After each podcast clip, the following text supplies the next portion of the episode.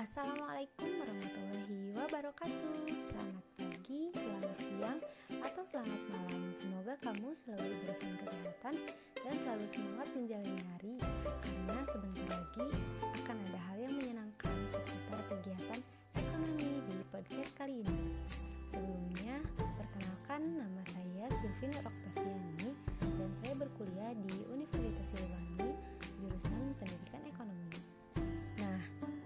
podcast pertama kita kali ini akan membahas seputar kegiatan ekonomi yang ada di lingkungan sekitar kita.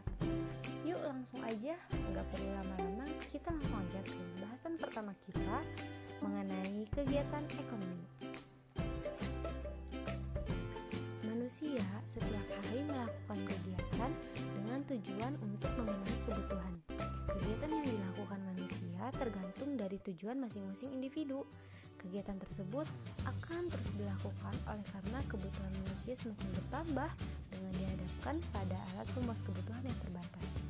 Kegiatan manusia dalam memenuhi kebutuhan disebut dengan kegiatan ekonomi. Kegiatan ekonomi dalam sehari-hari terdiri atas produksi, distribusi, dan konsumsi. Kita bahas satu-satu yuk. Yang pertama mengenai kegiatan produksi.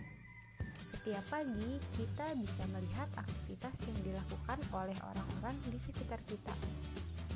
Misalnya, ibu menyiapkan sarapan dan menanak nasi, membuat nasi goreng, membuat roti, ataupun membuat nasi kuning. Nah, kegiatan yang dilakukan ibu kalian setiap pagi dalam rangka menyiapkan sarapan pagi itu disebut dengan produksi loh. Semua kegiatan manusia harus dipenuhi dan untuk memenuhi kebutuhan tersebut, manusia harus dapat menghasilkan alat pemenuhan kebutuhan. Dalam satu keluarga, untuk memenuhi kebutuhan makan dapat menghasilkan sendiri. Akan tetapi, bahan-bahan yang digunakan kadang-kala dihasilkan oleh orang lain. Jadi, apa sih yang dimaksud dengan produksi? Produksi adalah kegiatan menghasilkan suatu barang Pengertian produksi bukan hanya sekedar menghasilkan barang loh, tetapi ada pengertian lain yang lebih luas. Contoh kegiatan, e, contoh pengertian produksi yang lain, misalnya pabrik tekstil setiap hari mampu menghasilkan kain. Kegunaan kain itu akan bertambah kalau dibuat menjadi baju. Dari uraian tersebut, maka dapat disimpulkan pengertian produksi bukan hanya menghasilkan saja, tetapi lebih luas lagi dapat menambah nilai guna suatu barang.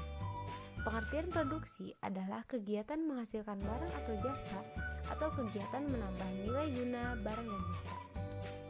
Berdasarkan pengertian produksi tersebut, dapat disimpulkan bahwa nilai guna suatu barang akan bertambah bila barang tersebut diolah lagi dan menghasilkan barang. Setiap barang memiliki nilai guna atau utilitas yang berbeda. Nah, produksi ini memerlukan faktor-faktor produksi atau sumber daya ekonomi. Faktor produksi dapat dibedakan menjadi empat faktor. Yang pertama adalah faktor produksi alam. Nah, faktor produksi alam ini adalah faktor produksi yang disediakan oleh alam sebagai bahan mentah atau bahan baku produksi.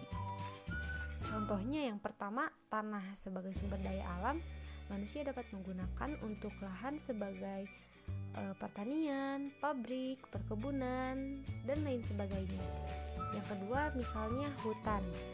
E, hutan ini dapat menghasilkan bahan mentah kayu. Lalu faktor produksi alam yang lainnya yaitu e, barang tambang misalnya seperti emas, biji besi, minyak bumi, dan gas alam. Dan yang keempat yaitu air dapat digunakan untuk pengairan atau bahan baku lainnya. Faktor produksi yang kedua yaitu faktor produksi tenaga kerja. Nah, tenaga kerja ini adalah sumber daya manusia yang dapat digunakan kemampuannya untuk proses produksi. Yang ketiga yaitu modal. Modal adalah segala hasil produksi yang dibuat manusia dengan tujuan untuk menghasilkan barang-barang atau jasa-jasa lain. Modal tidak hanya berupa uang loh, tetapi bisa juga berupa barang. Contohnya modal. Contoh modal ini gedung, mesin, bahan mentah, atau bahan baku yang digunakan dalam proses produksi. Yang keempat yaitu kewirausahaan. Kewirausahaan adalah kemampuan seseorang atau beberapa orang untuk menyatukan semua faktor produksi agar dapat menghasilkan barang tertentu. Produksi ini merupakan kemampuan menjalankan suatu perusahaan sehingga perusahaan tersebut dapat berjalan secara efisien dan menguntungkan.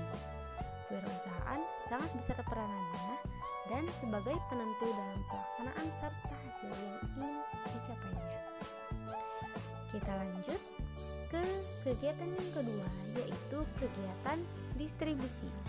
Barang hasil produksi tidak mempunyai nilai guna kalau tidak sampai ke tangan konsumen. Hasil produksi akan sampai ke konsumen dengan kegiatan yang disebut distribusi. Kegiatan distribusi adalah kegiatan untuk menyalurkan barang atau jasa dari produsen kepada konsumen. Selain pengertian tersebut, distribusi juga merupakan usaha untuk menambah nilai guna barang ataupun jasa. Nah, siapa sih yang melakukan kegiatan distribusi? Kegiatan distribusi ini bisa dilakukan oleh perorangan atau lembaga distribusi ataupun perantara.